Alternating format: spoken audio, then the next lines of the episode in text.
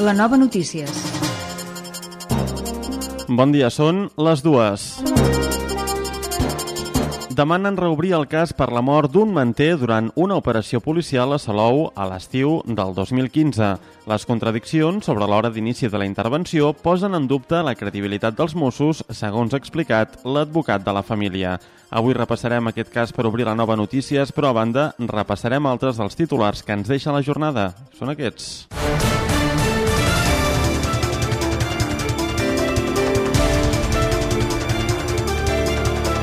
Aquest dimarts a la tarda va morir un home ofegat a la platja dels Capellans a Tarragona. El socorrista i els efectius del sistema d'emergències mèdiques li van practicar sense èxit les maniobres de reanimació.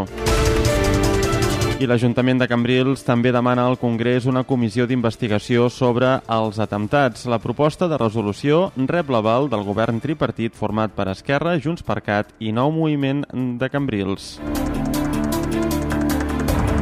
I el sector de l'avellana veu insuficients els preus marcats per la llotja de Reus i no descarta emprendre mobilitzacions. Les cotitzacions són 40 cèntims inferiors a les d'Itàlia i Turquia, els principals competidors dels productors catalans. I a Reus, l'Ajuntament contractarà 80 persones en situació d'atur. Serà a jornada completa i amb una durada de 6 a 12 mesos.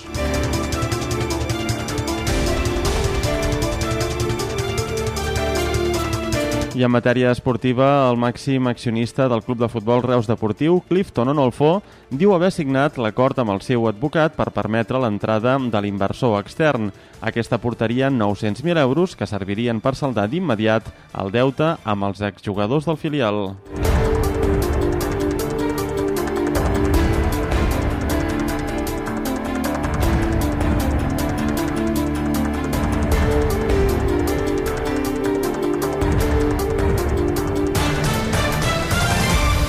I entrem en matèria. La família de Morsila, l'home senegalès que va morir l'agost del 2015 a Salou durant una operació policial contra el Top Manta, ha demanat al jutjat d'instrucció número 4 de Tarragona que reobri el cas per la via penal. El seu advocat, Ramon Sató, ha explicat que la petició es basa en les contradiccions existents sobre l'hora d'inici de la intervenció dels Mossos. L'escrit, que es va presentar el dimarts, relata que l'ordre judicial autoritzava l'entrada al pis de Salou a partir de les 6 del matí. Fins ara, els agents que han declarat en el procés judicial han dit que van intervenir a aquesta hora, però segons ha revelat l'advocat, el cap del dispositiu va admetre al maig al Tribunal Superior de Justícia de Catalunya, on es porta a terme un procés contenciós, que la intervenció es va produir abans pels vols de les 5. Això, segons la família, suposa una nova prova que hauria de permetre reobrir el cas. Escoltem el seu advocat, Ramon Sató. És un fet nou que tenim totalment eh, reproduït videogràficament i que posem en coneixement del jutjat d'instrucció número 4 perquè valori la reobertura. Bàsicament perquè aquest fet nou considerem que no és anecdòtic, sinó que eh, eh, aporta seriosos dubtes sobre la credibilitat eh, de la versió policial. Mm, d'alguna manera venim a dir veure, si menteixes en una cosa pots mentir en tot no? i quan se li dona una credibilitat respecte d'uns determinats fets en el moment que podem eh, eh, treure-li aquesta credibilitat per la manca d'exactitud o per aquesta dissonància entre una manifestació i l'altra és on veiem nosaltres que això pot tenir eh, importància, molta importància. Això, eh, el que demanem és que se reobri i es torni a citar amb aquest senyor, que se'ns doni explicacions i el que volem, el senyor Sila, l'únic que vol amb aquest procediment és saber la veritat no, o sigui, no estem enfocant contra ningú, no diem que ningú va ser concretament responsable de res perquè no ho sabem, però el que sí que estem veient, ja es veia llavors, però ara tenim proves, és que no, no s'ha dit la veritat i que hi ha coses que estan fosques i, i que el que volem és que s'aclareixin. Si això és així, o sigui, aquí s'ha de donar una explicació perquè tenim una versió a un costat que ens diuen a les 6 i a un altre que ens diuen a les 5. Eh, això podria ser la concurrència també per part dels agents d'un delicte, delicte de falsedat documental, delicte de fals testimoni, per part també de, de determinats testimonis. Morsila va morir l'11 d'agost del 2015 en el marc d'un dispositiu dels Mossos d'Esquadra contra el Top Manta. L'octubre passat, l'Audiència de Tarragona va ratificar que l'home es va precipitar pel balcó de casa seva quan pretenia fugir dels agents i va mantenir l'arxivament. El jutjat d'instrucció ja va considerar que la mort era accidental i que no es podia atribuir a l'acció de cap efectiu policial. Per contra, el germà de l'home, Ibrahim Asila, sospita que sí que hi va haver una interacció directa entre els Mossos d'Esquadra i Morsila. Recupera aquest i altres espais a lanovaradio.cat. I com els dèiem, hem de lamentar una altra víctima a les platges tarragonines. Un home de 53 anys i nacionalitat espanyola va morir aquest dimarts a la tarda ofegat a la platja dels Capellans de Tarragona, també anomenada la Cala Romana. Cap a un quart de sis de la tarda, dos testimonis van trucar al 112 per informar que havien tret un home de l'aigua inconscient i que el socorrista l'estava intentant reanimar. El sistema d'emergències mèdiques va mobilitzar tres ambulàncies i els efectius sanitaris també li van fer les maniobres de reanimació cardiopulmonar sense èxit. La Creu Roja va detallar que l'usuari de la platja va patir una cardiopatia mentre entrava a l'aigua. En el moment dels fets, onejava la bandera verda. Amb aquesta ja han mort 26 persones a les platges catalanes al llarg d'aquest estiu. A l'emergència també van intervenir els Mossos, una patrulla de la Guàrdia Urbana de Tarragona i membres de la Guàrdia Civil que s'encarreguen d'instruir les diligències corresponents. La platja dels Capellans disposa de servei de vigilància i socorrisme.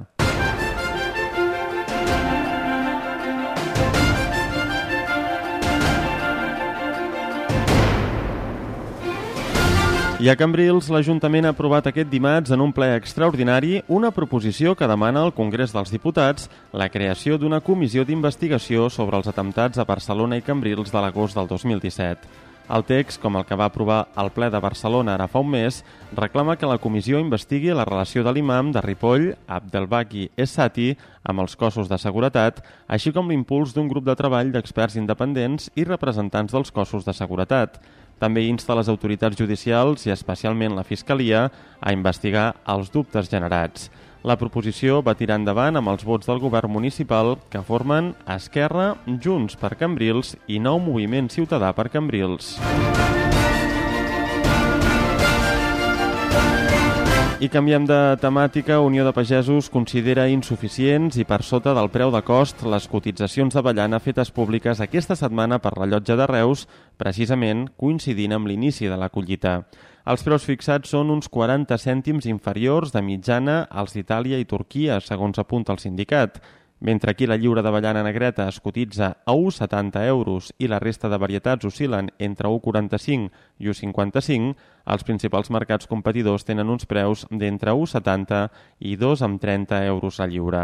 Rafael Espanyol és el responsable nacional de la fruita seca d'Unió de Pagesos. Volem dir això d'aquí són preus que no poden ser perquè a veure, a 1,45 s'hi perden uns diners i a 1,70 també hi perdem, vull dir, són per sota els preus de cost que aquí la, la nostra varietat més bona, que és la negreta, estigui a 1,70, quan a Itàlia la més, la més dolenta està a 1,68, això no pot ser. I això igual passa a Turquia. Volem dir, si fas la mitjana hi ha una diferència de 40 cèntims a lliure. 40 cèntims a lliure és guanyar la vida o no guanyar la vida. Volem dir, no pot ser això. A veure, aquests preus són per sota preu de cost. Nosaltres estàvem animats perquè vam veure com van veure els mercats, deien, bueno, sobre 1,80 i 2 euros obriran. Entre 1,80 i 2 doncs, bueno, mira, n'hi hem d'anar fent.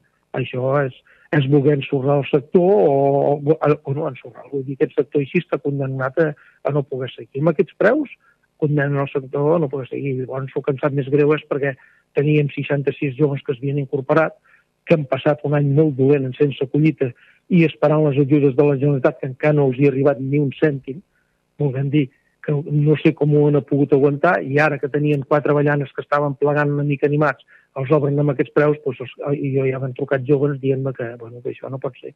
Que aquests nois els, els, bueno, els, els, els, els, obligaran, a, els obligaran a plegar, vull dir, no, no podran aguantar, és que no es pot aguantar amb aquests preus. Vull no sé què passa amb aquesta lonja de Reus, que sempre obre la baixa, oberta a la baixa la ballana, l'omella a la baixa, la garrofa a la baixa, tota a la baixa. A més, el responsable d'Unió de Pagesos explica que ja s'ha posat en contacte amb el Departament d'Agricultura per denunciar que la llotja de Reus sempre obri a la baixa. Aquest dimecres al vespre, l'executiva del sector i el col·lectiu de joves es reuniran a Reus per valorar la situació i abordar la possible convocatòria d'assemblees i mobilitzacions. I no ens movem encara del Baix Camp. En política municipal, l'Ajuntament de Reus té previst contractar un total de 80 persones en situació de que s'incorporaran a diversos departaments municipals. Els contractes tindran una durada de 6 o de 12 mesos i seran tots a jornada completa. Aquesta iniciativa està subvencionada pel Servei d'Ocupació de Catalunya i el Fons Social Europeu i contempla dos programes diferents, treball i formació destinat a persones en situació d'atur i garantia juvenil orientat a joves que no estudien ni treballen. Aquesta proposta contempla la contractació de 70 persones en situació d'atur a jornada completa per 6 o 12 mesos. La convocatòria d'enguany va adreçada a quatre perfils en concret – persones en situació d'atur de llarga durada, preferentment més grans de 45 anys, persones a l'atur beneficiàries de la renda garantida de ciutadania, dones en situació d'atur de llarga durada i mm, persones més grans de 52 anys i dones a l'atur víctimes de violència de gènere. L'Ajuntament contractarà un total de 10 joves d'entre 16 i 30 anys que no estudien ni treballen inscrits al Programa Europeu de Garantia Juvenil. L'objectiu, segons el consistori, és facilitar la seva incorporació al mercat laboral de forma estable i duradora. Aquests contractes seran de treball en pràctiques a jornada completa i per sis mesos. El regidor d'Ocupació de l'Ajuntament de Reus, Daniel Rubio, indica que la principal novetat és la xifra, la més alta en els darrers anys, i destaca que l'any 2017 es van contractar 62 persones i enguany l'oferta se situa en 70 pel que fa al programa de treball i formació. Rubio assegura també que l'Ajuntament començarà en breu la selecció dels 80 perfils professionals. I encara a Reus, canviem de qüestió, això sí, la INC per la independència, la INC Reus per la independència, volem dir, segueix venent els tiquets de bus per desplaçar-se a Barcelona i poder prendre part de la manifestació que tindrà lloc l'11 de setembre. Des de la plataforma s'ha exposat que fins al passat dilluns se n'havien venut uns 650 tiquets aproximadament. La seu de l'entitat és oberta als dies feiners, al Raval de Santana número 2, des de dos quarts de set de la tarda i fins a les 9 del vespre. Al cap de setmana, el col·lectiu habilita una parada a la plaça del Prim entre les 11 del matí i dos quarts de dues del migdia. El ritme de venda d'etiquets s'ha accelerat aquests dies, segons l'Assemblea a Reus, diuen que és quan comencen a tenir més activitat. Per la Diada Nacional de l'any passat van ser més d'un miler les persones de la ciutat i els voltants que van adquirir el bitllet de bus per sumar-se a la concentració de la capital del país. En clau nacional, la xifra d'inscrits a la manifestació s'ha triplicat la darrera setmana i ja suma 180.000 persones. Segons s'ha fet públic, té 700 autobusos i ha venut 205.000 samarretes. Fa una setmana, l'Assemblea xifrava les inscripcions en 60.000 persones i feia una crida a apuntar-se a la manifestació per garantir l'èxit de la concentració. Fes la teva compra online a bonpreuesclat.com i te la carreguem al cotxe en 5 minuts. Gaudeix d'una gran varietat de productes de qualitat amb la garantia de Bon Preu i Esclat. Entra ara a bonpreuesclat.com i compra de la manera més fàcil, ràpida i còmoda. Bon Preu Esclat, el teu servei.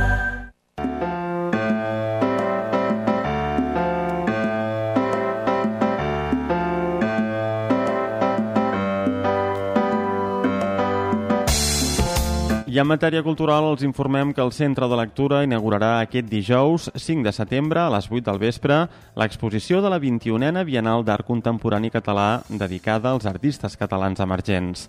L'exposició es podrà visitar fins al 30 de setembre a la Sala Fortuny de l'entitat. A la convocatòria pública oberta a tots els joves del país s'hi varen presentar 65 dossiers, d'entre els quals el jurat de selecció va triar els 11 artistes que conformen la Bienal i als quals s'atorga un ajut de 300 euros per a la producció d'obra.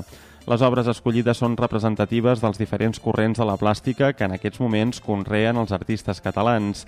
La Bienal és itinerant pel país i representa un impuls a l'art actual, a més d'un toc d'atenció de la creativitat més jove del país en un moment difícil de fortes retallades culturals que els artistes pateixen profundament. Els 11 artistes seleccionats provenen de diferents territoris de Catalunya. Això serà demà, però abans, avui, eh, hi haurà la presentació del llibre de Jordi Cuixart, Ho tornarem a fer a la ciutat de Reus. La cita organitzada per Òmnium Cultural Beixcamp és de les 7 de la tarda a la plaça de les Peixateries Velles. És prevista l'assistència del vicepresident de l'entitat, Marcel Mauri, i de l'advocada Anaïs Franquesa. I el còmic Javi Chulo és l'encarregat de cloure el cicle de monòlegs a la fresca del Jardí de la Casa Rull de Reus. La cita, que compta amb artistes convidats, és d'accés gratuït i comença a 3 quarts de 10 de la nit d'aquest dimecres. Hi haurà també servei de bar. I avui a dos quarts de set està prevista una activitat especial per donar el tret de sortida de la 24a Festa del Rei Jaume I de Salou. Es tracta d'una conferència organitzada per la Universitat Rovira i Virgili en què la doctora en Història de l'Art, Esther Lozano López, presentarà la ponència Jaume I, Objectiu Mallorca, imatges del passat medieval, reflexos al present de Salou. La 24a Festa del Rei Jaume I tindrà lloc entre el 5 i el 8 de setembre i es duran a terme diferents activitats pel municipi.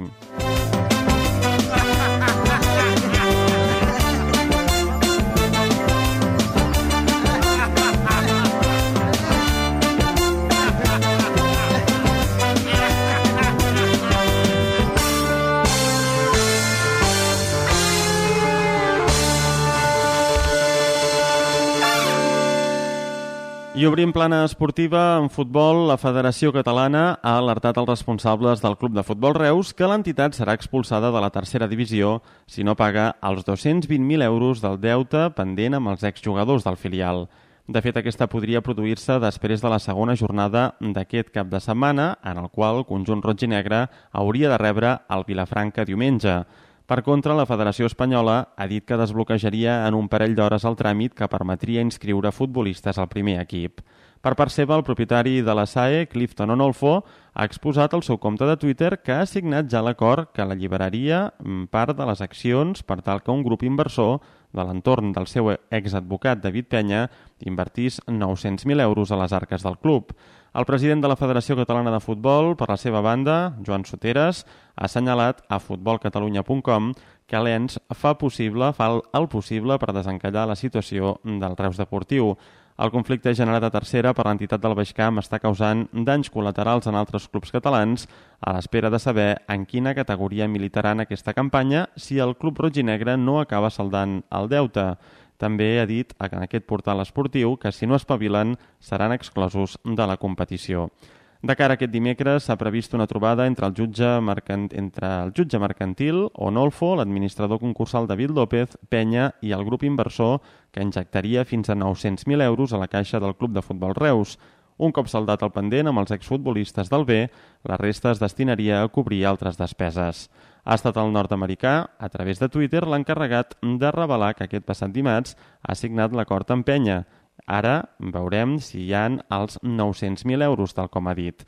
Cal recordar que el passat dilluns, fons a l'entorn del propietari de la SAE van mostrar els seus dubtes sobre l'existència dels inversors vinculats a l'advocat.